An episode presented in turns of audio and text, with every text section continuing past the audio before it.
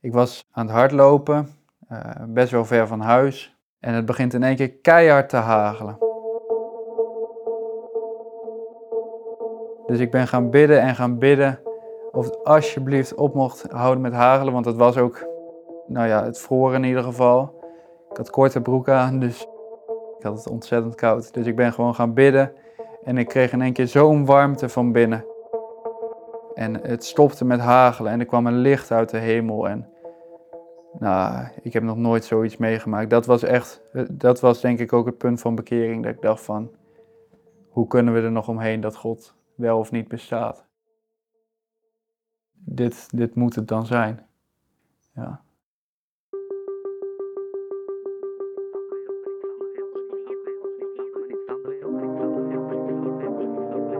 Ja, het werd vaak gezegd. We leven wel in de wereld, maar we zijn niet van de wereld. En gij geheel anders.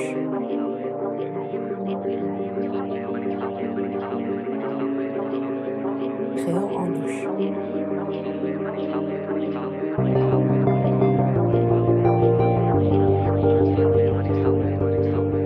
Ik wil snappen, doorvoelen hoe het is om een reformatorische christen te zijn. Vooral ook in een samenleving die steeds verder ontkerkelijkt. De vorige aflevering was een eerste kennismaking met de Revo-wereld. Nu graaf ik dieper. Ik doe verder onderzoek naar wat Revo's precies geloven, hoe ze daarin kunnen geloven en wat het geloof betekent voor hun leven. Je luistert naar Niet van de Wereld, een podcastserie van mij, Maarten Dallinga, voor Omroep Gelderland.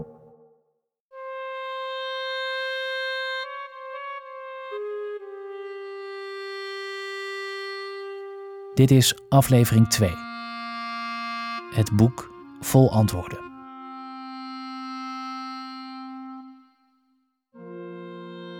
Uh, ik ben Bartel van Delen, ik ben 18 jaar en ik woon uh, nog bij mijn ouders in Doornspijk. Dat is een plaatsje vlakbij Nunspeet op de Veluwe. Ja, volgende week hoop ik beleidenis te doen. Dus dan zeg je ja tegen de leer van de kerk. Zeg je ja dat je vanaf nu ook gaat leven naar zijn geboden, dus naar de Bijbel. Vanaf dan, ik heb nog een heel lang leven te gaan. Sommigen doen beleidenis op een uh, vijftigste, die, die hebben niet zo lang meer. Maar vanaf nu heb ik mijn hele leven. Dat ik echt naar God uh, toe moet gaan leven, ja. En er zijn ook een heleboel mensen die raken er op latere leeftijd weer van af. Ik ben er eh, bijna van overtuigd dat dat niet zou gaan gebeuren. Ik zag zelfs op jouw uh, WhatsApp-profiel uh, een Bijbeltekst. Klopt, ja. Zou je die eens willen ja. voorlezen? Ja, ik weet hem denk ik zwart uit mijn hoofd. Hij, het is ook de achtergrond van mijn mobiel. Oh ja? Dat is ook de tekst die ik in mijn hart kreeg tijdens dat hardlopen. Uh, toen het licht naar beneden kwam. De psalm gaat, zend Heer uw licht en waarheid neder. Dus dat vond ik al heel mooi dat het op dat moment gebeurde, terwijl het licht uit de hemel kwam. En breng mij door dien glans geleid tot uw gewijde tenten weder. Dus eigenlijk dat je uiteindelijk in de hemel zult komen via dat licht. En het licht is dan de Heer.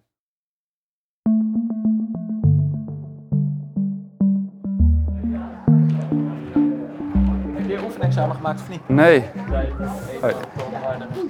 Eerder op de dag volg ik Bartil op school. Hij doet VWO-examen en vandaag staat Duits op het programma. Ik heb nog helemaal niks interessants gezegd eigenlijk, maar goed. Wat wil die man allemaal van je weten? Ja, volgens mij gaat het om het geloof. Maar ook gewoon hoe ik in het leven sta, denk ik. Dus dat is wel goed. Bartil gaat naar een reformatorische school in Kampen. Dat is ongeveer een uur op de e-bike vanaf Doornspijk. Hij gaat naar het Pieter Zand. Hey, willen die stoere jongens van het VWO gewoon gaan zitten? Een van de zeven Revo-scholen voor voortgezet onderwijs in Nederland. Iedere dag begint met een dagopening. En ook nu, in de gymzaal, vlak voor het examen. Goed, uh, ik lees met jullie een stukje uit de Bijbel. Dat is deze keer Psalm 24. Daarin zie je aan de ene kant. De boodschap: God is liefde, maar op die liefde heb je niet zomaar recht. Wij zijn niet zuiver van hart, rein van handen. We zijn al te vaak bezig met zinloze dingen. Is dat iets wat je beseft? Wat je bij God brengt? Waar je ook echt tegen probeert te strijden? waarbij je wel degelijk zegt: God, zo zit ik van mezelf in elkaar, maar u kan het anders maken, u wil het anders maken, ik wil me toch op u richten, dan ben je iemand die niet bedriegelijk zweert. Die toch in wezen op God gericht is. En dan mag je ook zegen verwachten. We zullen bidden.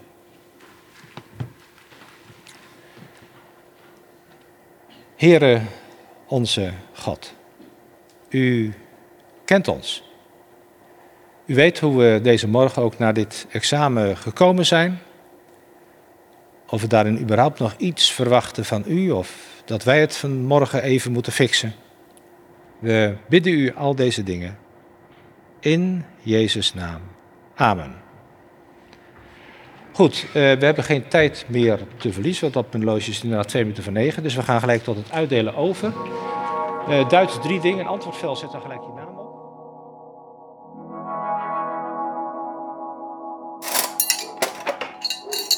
Juliana, ga je ook mee naar buiten? Terug in Ophuisden, Neder-Betuwe. Dan gaan we eten. Waar ik een weekend lang logeer bij een Revo-gezin met zes kinderen. Met mij Oh, wat gezellig. Nou, schuif jij eens even op. Gaan we eerst bidden. Handen samen. Onze Vader die in de hemel zijt, uw naam worden geheiligd. Uw koninkrijk komen. Uw wil geschieden in de hemel als ook op deze aarde. Het is zaterdagavond. We eten pannenkoeken in de tuin. Jullie willen als eerste kaas? Een goed moment om moeder Lianne en vader Ruud meer te vragen over hun geloofsovertuiging. Kan je uitleggen wat de Bijbel voor jou of voor jullie betekent? Ja, eigenlijk mijn leidraad in het leven. Dus, uh, dus je, het geeft je info, vertelt je wie God is, wie schepper is, waar je vandaan komt, waar je naartoe gaat, waarom je hier bent. De basale kennis van de, de grote levensvragen, zeg maar, die vinden we daar terug. Het boek vol antwoorden. Het boek vol antwoorden, ja. Doe eerst maar even proeven. Ja? Het is iets wat je meekrijgt vanuit je jeugd en vervolgens door ervaring gestempeld dat het ook zo is. Als je vragen hebt en je legt ze aan God voor en je merkt dan dat je antwoord krijgt door wat je later leest in de Bijbel. Je leest iets en dan bijvoorbeeld zonder dat een dominee of degene die iets leest het weet, komt bijvoorbeeld dat wat jij uh, ja. als antwoord gezien hebt weer een keer terug. En nog een keer. En Mhm. nog een keer. En daarin vinden wij dan echt wel de bevestiging van het is echt van God wat nu uh, tot mij komt. En geen toeval. Precies. Want dat zou je natuurlijk kunnen denken. Dat zou je kunnen denken, inderdaad. Maar als dat gewoon van heel verschillende kanten, zonder dat iemand dat weet, steeds weer terugkomt.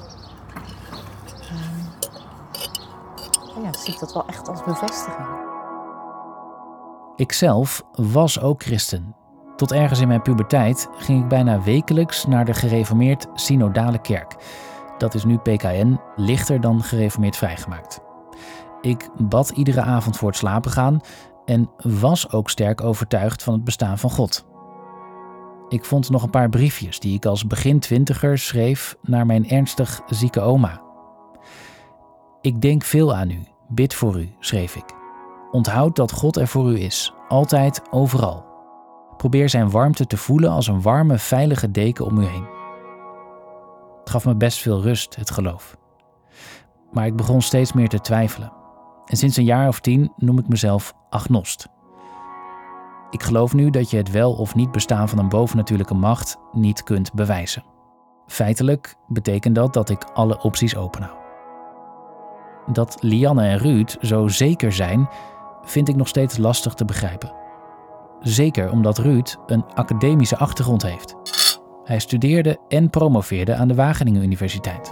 Begon je toen niet vaker te denken, ja, misschien is het wel gewoon allemaal toeval? En is het een, een constructie die we als mensen Nee, eigenlijk niet eerder, eerder het tegenovergestelde. Omdat als, als je de wetenschap, ook de wetenschapsfilosofie bekijkt, van wat is eigenlijk wetenschap, wat is eigenlijk de waarheidsclaim die de wetenschap heeft. Ik denk dat, de, dat in het algemeen dagelijks leven mensen een wetenschap overschatten.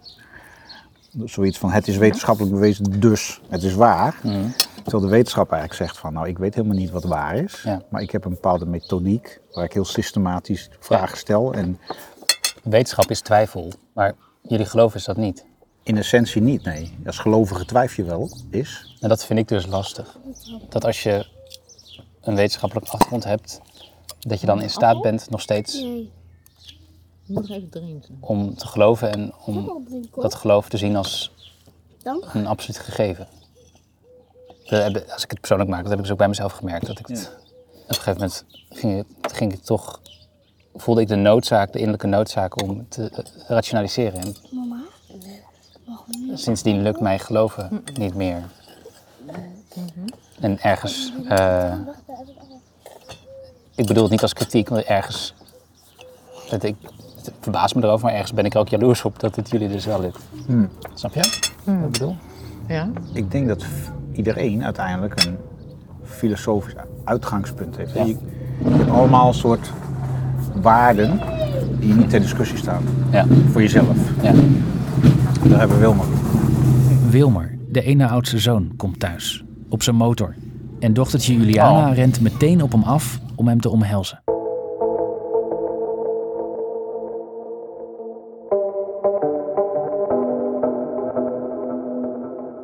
Op één moment weet ik in ieder geval dat ik heb gezegd dat ik nooit een, geen vrome dominee wou eh, als man. En wat heb je nu naast je zitten? Bijna. Bijna een vrome dominee, ja. Hij is er al op gekleed. Ja, het is wel gekleed. Ongeveer 100 meter verderop in Opheusden wonen Marvin en Tamara. Ja, een grijze pantalon en een, eh, een wit blouse en een zwarte trui. Begin 30 en ouders van vier jonge kinderen. Ze zijn Revo en hij doet zelfs een predikantenopleiding. Toen ze elkaar leerden kennen, waren ze nog helemaal niet kerkelijk. Ik weet nog goed, ik was... eh, het was een lange avond geweest en eh, eh, er waren ook heel wat eh, munten over de, over, de, over de bar heen gegaan. Dus dan... Dat is een eufemistische manier om te zeggen dat je veel gedronken had. Precies. ja, precies. Bier. Bier, ja, dat denk ik wel, ja. En ik, ik moet je eerlijk bekennen, ik vind het helemaal niet lekker bier. Je was aangeschoten toen je Tamara zag. Ja, ik was Dronken. aangekozen toen ik Tamara tegenkwam. Ja. ja. Het was voor Marvin normaal om veel te drinken. Hij groeide op in een Revo-gezin en ging rond zijn achttiende in het leger. En dat was denk ik ook een uitvlucht om ja, hier ook weg te komen, als het ware. Uit deze kring, uit deze omgeving. Los te raken van de Bijbelbelt. Eigenlijk wel, ja. Los te raken van God en zijn woord, maar ook van heel de Bijbelbelt en alles wat daar nog ja, verbinding aan gaf. Om alle remmen er, eh, eraf te gooien, zeg maar, die er nog op zaten in mijn leven.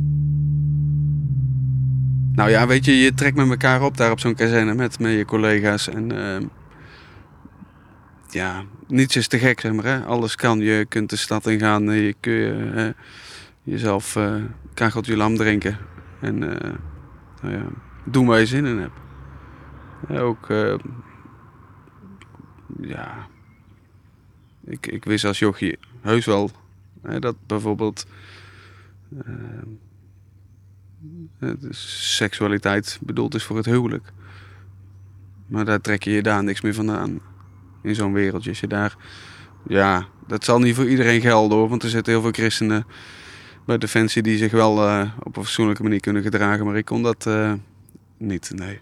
nee.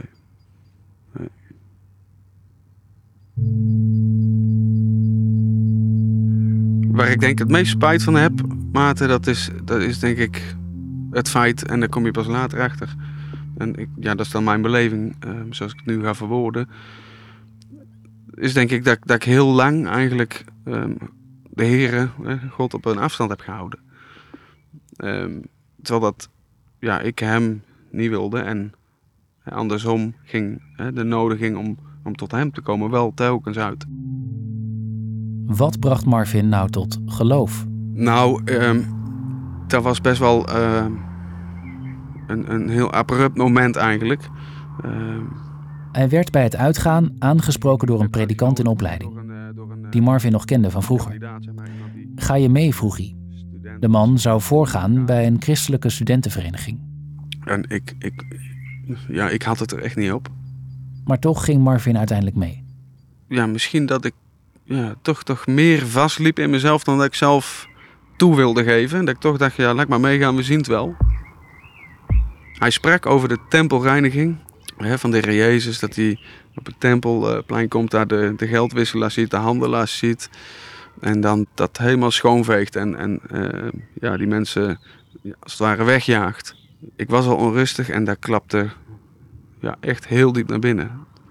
Ik had eigenlijk nooit meer gerekend op, op God. Omdat ik er ook niks mee te maken wilde hebben. En ja, dan, hè, dan heb je het wel eens over een Paulusbekering. Of je wordt stilgezet op een heel krijgdadige manier. En zo ervoer ik dat ook echt heel duidelijk. Ik weet dat ik het heel benauwd had. Dat ik het dat net alsof mijn keel bijna dichtgeknepen werd.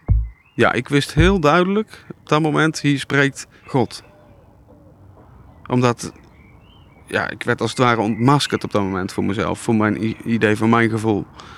Ehm, hè, die geschiedenis over die tempelreiniging, dat sloeg ook echt, dat sloeg niet zomaar naar binnen, maar dat sloeg ook in die zin naar binnen dat ik mezelf er heel erg in herkende. Dat ik ja, er echt zo'n potje van aan het maken was. Met mijn leven.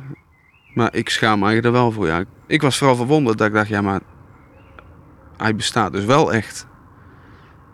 Diep onder de indruk, ja. Diep onder de indruk was ik toen. Ja. Marvin groeide op met de Revelkerk, brak ermee, zat vervolgens slecht in zijn vel en zocht bewust of onbewust houvast. Niet gek dus dat hij vatbaar was voor het verhaal van die man. Zo kun je er tegenaan kijken. Je kunt Marvins verhaal ook zien als een aanwijzing dat God bestaat. Ik las het boekje Psychologie en Religie van de bekende psychiater en psycholoog Carl Gustav Jung. Hij schrijft: Godsdienstige ervaring is zonder twijfel absoluut. Het is niet belangrijk welke mening de wereld over de godsdienstige ervaring heeft. Degene die haar heeft ondergaan, bezit een grote schat, die voor hem tot de bron van leven, zin en schoonheid is geworden. Op grond van welk criterium zouden wij mogen zeggen dat een dergelijk leven niet legitiem is? Dat een dergelijke ervaring niet geldig is? En dat een dergelijk geloof slechts een illusie is? Verderop, daarmee is geen bewijs geleverd voor een bovenmenselijke waarheid. En moeten wij in alle nederigheid bekennen dat de godsdienstige ervaring subjectief is en aan het gevaar van een grenzeloze dwaling is blootgesteld. Waar gaan we naartoe? Einde citaat. Eh, we gaan nou over de dijk. Oh, leuk. En dan fietsen we over de dijk terug Oh, ja. naar Heusden. Ja. Nou, laat ik het zo zeggen, ik denk dat de kern van de Revelkerk is of zou moeten zijn, is een beetje een grijs gebied misschien, zou moeten zijn dat, dat het inderdaad niet automatisch is dat je kind van God bent. Dus dat het wel be- bekering vraagt. Ik zoom dieper in op de Revo-kerk. Je hoort Ruud, de vader van het gezin waar ik logeer. We maken een fietstochtje. Er zijn wel kerken gewonnen waar maar heel weinig mensen eigenlijk vertrouwen durven uitspreken van eh, ik ben ook een kind van God. Ik word door. ja. En dat, eh, dat is eigenlijk wel verdrietig. Grosso modo kun je zeggen, hoe strenger de kerk, hoe minder mensen zichzelf als uitverkorenen zien. Oftewel, hoe minder mensen zeker denken te zijn van een plekje in de hemel. Ik praat er met Ruud en partner Lianne over door in hun tuin. Jullie geloven dat jullie uitverkoren zijn? Ik wij geloven dat Ik geloof dat God mij lief heeft. Ja. En dus eigenlijk is het antwoord is dan ja. Dat blijkt. Er dat is iets gebeurd. Ja. Ja. Wat is het geweest in jullie leven? Is dat één moment geweest of is het heel Nee, geleidelijk. geleidelijk? Ja. Voor mij ook. Geleidelijk. Dat je steeds meer overtuigd wordt en uiteindelijk geloofsvertrouwen krijgt, zeg maar, van hé, hey, dit, is, dit is ook voor mij. Ja. Pas als je dan tot bekering komt, dan ben je echt gelovige en dan kun je ook aan het avondmaal. En, hè, dus er wordt een split gelegd eigenlijk tussen geloofsbelijdenis doen en avondmaal. En dat Is, is de dominee op een gegeven moment dan ook bij jullie op bezoek ge- geweest? Nadat jullie zeiden, ja, wij zijn bekeerd. Dat hoor ik wel bezoek eens. van de, van de kerkenraad. Gewoon om, om eens van, joh, het hoe is het, ouderling, eh, hoe is het met je? Hoe, ja, ouderling. Mhm. Maar niet als, dat is geen verhoor of zo. Nee, nee, helemaal niet. als mensen het weten, ik weet ook bij school ook, ook moeders die dat dan weten. Dat ze even bijvoorbeeld eh, een arm om je heen, fijn joh. Waarom het zo is dat in de ogen van veel revo's niet iedereen uitverkoren is, dus niet iedereen naar de hemel zal gaan, vind ik nog steeds lastig te begrijpen. Dat is voor mij niet te verenigen met het idee dat God alle mensen lief heeft. Je moet niet proberen in, in Gods eeuwige raadbesluit te verdiepen, want dat, dat kan helemaal niet. Het staat alleen dat voor ons dat je weet dat als je tot geloof komt, dat het uiteindelijk tot Gods eer is. Weet je wel? Hij, hij heeft je daar gebracht. Dus achteraf ga je zeggen, Heer, u hebt mij getrokken, want anders was ik had zelf nooit interesse gehad. Wie, wie tot hem komt, die is welkom. Snap je?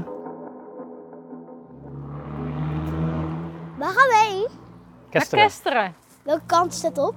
Die denk ik. ja, die kant op. Die? Tijdens een fietstochtje naar een ijssalon praat ik ook met dochter Juliana over hemel en hel. Daar begint zij zelf over. En Juliana maakt geen onderscheid tussen christenen die wel of niet uitverkoren zijn. Juliana is negen jaar oud. Maar in mijn klas zijn eigenlijk, alle kind, eigenlijk bijna alle kinderen christelijk. En ja, ik vind het wel belangrijk dat, er, dat je christelijk bent, anders kom je niet in de hemel. En dat is voor jezelf ook, om- anders kom je in de hel. En dat is gewoon niet fijn, in de hel zijn. Dat is de eeuwige dood. En ja, het is gewoon... Ja, eigenlijk, je kan het niet zeggen, maar het is veel fijner om in de hemel te zijn dan in de hel. Want hoe ziet dat er dan uit, de eeuwige dood?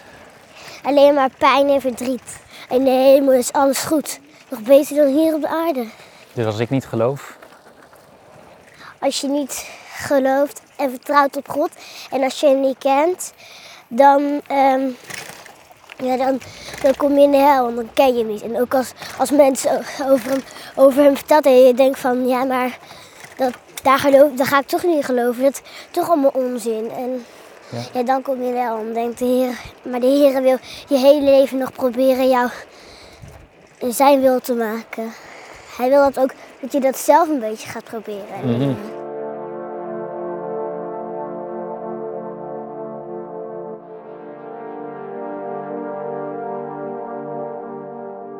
Uitverkoren of niet, de mens is zondig. Ik zeg wel eens, alle tien geboden, daar heb ik in mijn hart tegen gezondigd. Revo's geloven dat de mens steeds opnieuw geneigd is te doen wat God verboden heeft. Veel andere christenen geloven dat ook, door de zondeval in het paradijs. Alleen speelt zondigheid in het leven van Revo's een veel prominentere rol. Waarschuwende woorden in de Bijbel over zondig gedrag vinden bij Revo's een grotere weerklank. Voor hen is de Bijbel meer dan voor veel andere christenen het letterlijke woord van God. Revo's voelen zich over het algemeen sneller schuldig over hun gedrag en vrezen eerder gestraft te worden als ze hun leven niet beteren. Maar als de Heer er nabij is, en dat voel ik op momenten, dan is de zonde er ook niet. Luister naar Jan Beens, predikant van de gereformeerde gemeente in Scherpenzeel. En als de zonde er wel is, Dan moet ik ernstig eh, bidden, zoeken, daarbij vandaan te blijven. Ja. En dat is geen kunstje, maar dat is ehm, een strijd. En daarom noemen wij dat ook de geestelijke strijd. Hè? en waar zit uw grootste zwakte als je, als je de tien geboden op een rij zet? Ja, dat is vooral ook wel het op kunnen gaan in dingen. Ik zal een voorbeeld noemen. Het is ook niet de bedoeling om alle dingen uit je hart eh, aan de podcast te geven. Maar ehm, ik herinner me toen we nog in ons vorige huis woonden, dat we een nieuwe schutting aan het zetten waren. De achtertuin. Ik was daar eh, een hele week in mijn hoofd en mijn hart mee bezig, want het moest heel mooi worden. Ik hou van netjes, van schoon, van alles opgeruimd. Dat had mijn hele hart heel die week. En dat werd me tot schuld. Want ik had niet genoeg aan God gedacht. En Dan komt er een moment tijdens dat hele gebeuren dat je in jezelf zegt van mij maar heel die schutting en hele boel in elkaar storten. Want dit is het niet. Dan voel ik iets van binnen van, ben je er mee bezig eigenlijk? En dat heb ik nog wel eens. Hè. Ik kan een hele middag gezellig, ik kan zeggen, ja dat mag toch wel. Een hele middag gezellig winkelen met mijn kinderen of... Maar naderhand beschuldigt het mij. Ja? Ja. Ik denk, is dit nou wel goed geweest? Winkel in, winkel uit. Ja, wat, wat heb ik daaraan? Niks. Dan voel ik me zo leeg. Eh daar word ik ook altijd heel stil van. Dat merkt mijn omgeving ook. Mijn gezin, mijn vrouw. Ja. Dan moet ik dat verwerken. Dan moet ik eh, ja, ten diepste dat beleiden. Hè? Wat ik gedaan heb. Onvoldoende.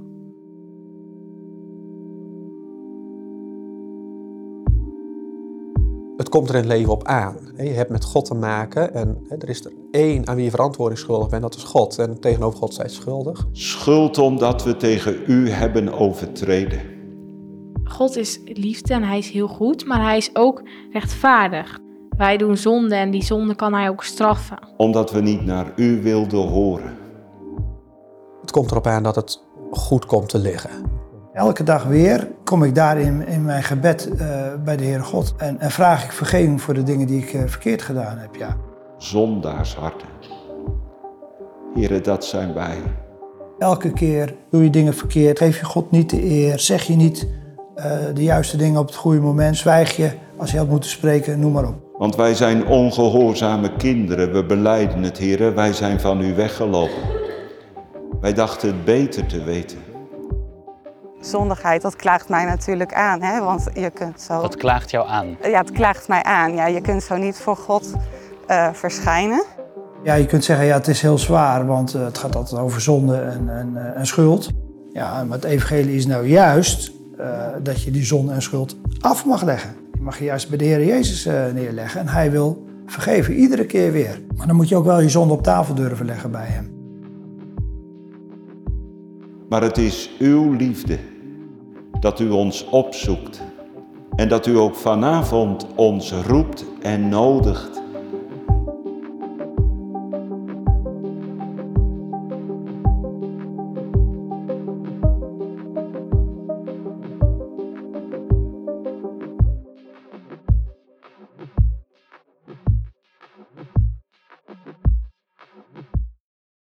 Ik kan het niet laten om Lianne en Ruud nog een aantal typisch postmoderne hypotheses voor te leggen.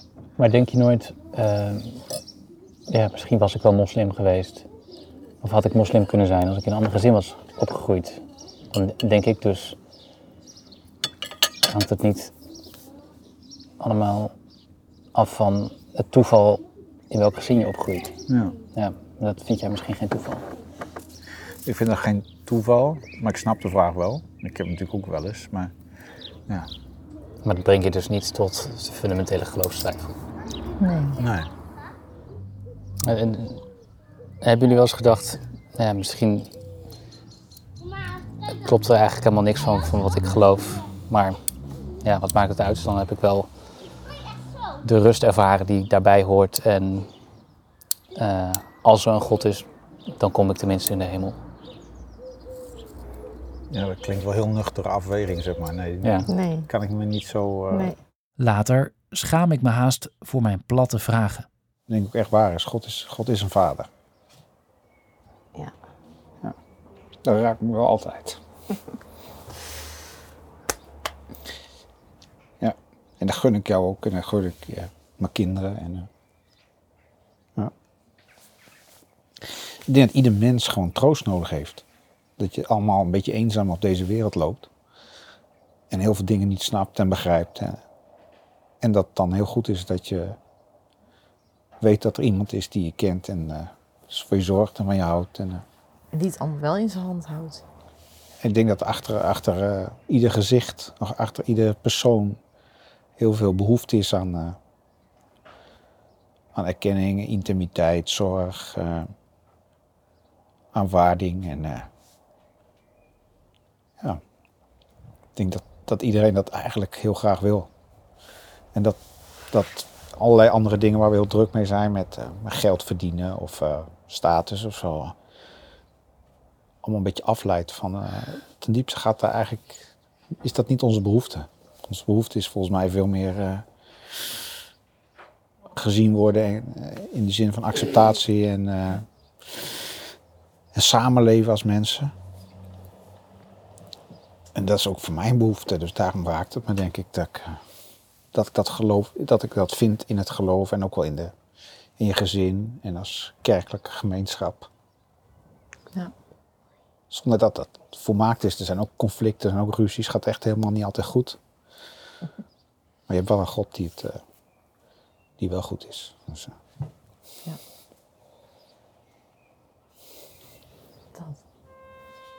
Heb toch nog geraakt en, eh, op de gevoelige kant.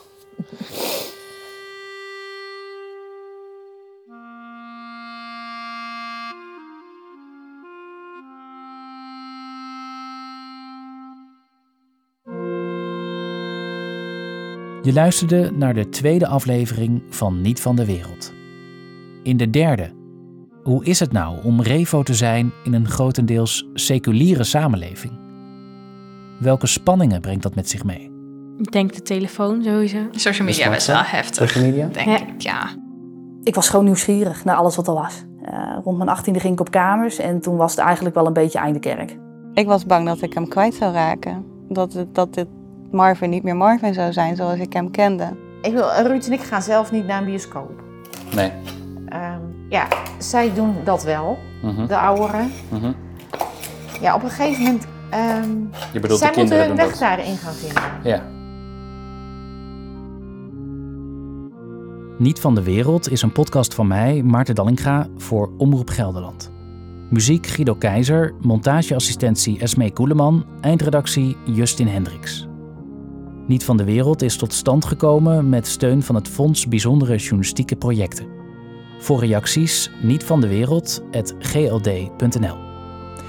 Ik hoop natuurlijk dat veel mensen gaan luisteren. En daarvoor helpt het wanneer je een recensie achterlaat bij Apple Podcasts of Spotify. Graag tot de volgende aflevering.